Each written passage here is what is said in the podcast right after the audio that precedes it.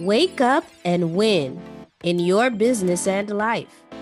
Welcome to the Wake Up Wednesdays podcast with your host, Lucrece Aguzma. Welcome, world changers, to another episode of our podcast. I am so delighted that you've joined in to your monthly dose of inspiration to help you wake up and win in your business and life. Today, we're going to talk about revamping our mind. How many of you know that our mind is a battlefield?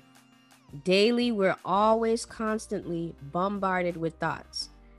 There's a recent article I read from TLEX Institute, which cited the National Science Foundation statistics on the tendencies of the mind. In 2005, they published research on the amount of human thoughts we have for, per day it showed that the average person was, you know, has about 12,000 to 60,000 thoughts per day. And of those, 80% were negative. 80%. And 95% of them were exactly the same repetitive thoughts as the day before. Hmm. So let's let's dissect this a little bit and do the math. So we at least think 12,000 thoughts or more per day. And at least 9,600 of those thoughts are negative. Wow. And of them, 9,120 of them you repeat over and over and over again. Now imagine if it was the opposite, if they were positive thoughts. Imagine the impact we would make in this world. Hmm. We all have this battle daily, including myself. Um, and sometimes I ask myself, and we can ask ourselves, what can we do to change this?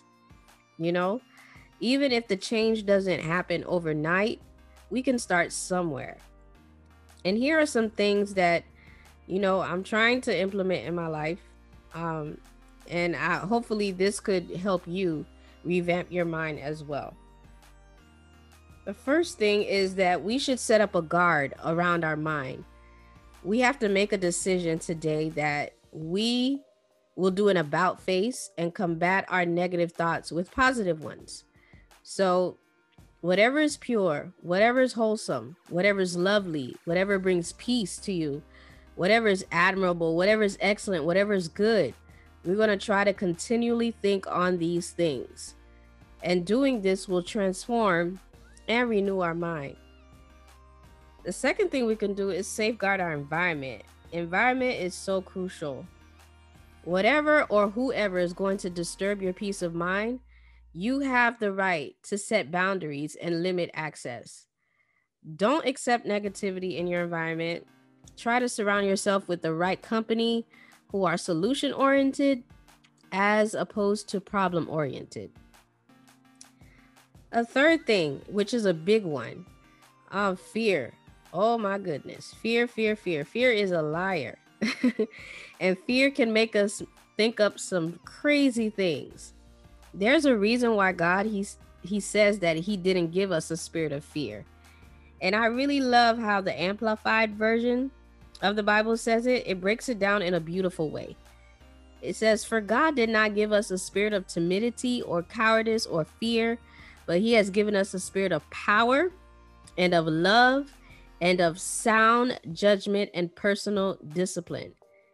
I never thought of it like that. You know, um, combining a sound mind and discipline. So that means it, it's going to take work for us to start, you know, thinking the right things and fixing that um, stinking thinking. so to continue, it says the abilities that result in a calm, well balanced mind and self control.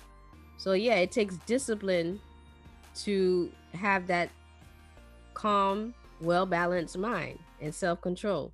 So I don't know about you. If God did not give me fear and timidity, and I'm not talking about, um, this is not to be confused with godly fear, like respect or reverence. I'm talking about the bad fear.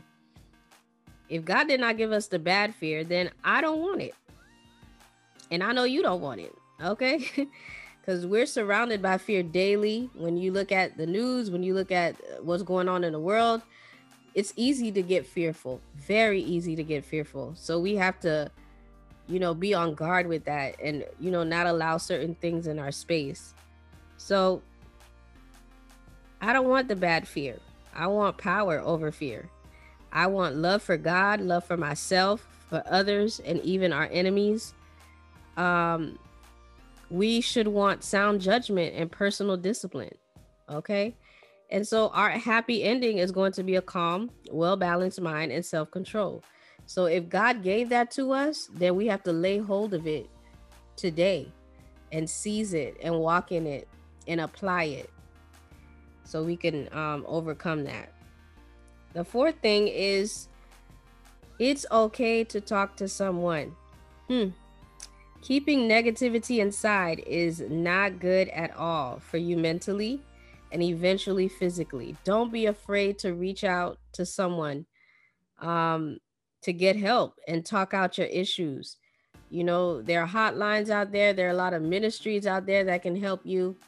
Um, reach out to someone, you know, someone that you trust. Now, don't go, you know, telling everybody your business, but be wise and get some trusted counsel, but don't keep it inside of you.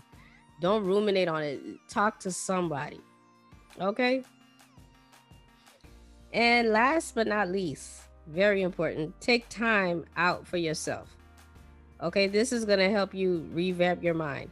Pick at least one day a week where you rest and do what you love. Um, pray, read, and think, and it helps bring mental clarity. So let's review these five things that we can start applying today to help us revamp our mind. Set a guard around our mind, making sure we're careful about what comes in and what goes out as well. Safeguard our environment. We're careful about who we hang around with, um, what you know type of environment you have as far as what you listen to and all that. Deal with fear. You know, kick that fear to the curb. All right. Fourth, it's okay to talk to someone. Um, don't be afraid to reach out to someone and you know let them know, hey, I'm going through this you know, I just need somebody to talk to. And last but not least, take time out for yourself. Okay, take time out for yourself. I hope these five things can help you. And just know that you're not alone. We're all in all in this. I'm in this, you're in this, everybody going through. And just know that you're not alone and we can overcome this together. So stay connected with us on Facebook, Instagram, and LinkedIn. And don't forget to subscribe and turn on the notification bell for upcoming episodes and videos. Until the next time, World Changer, enjoy your month.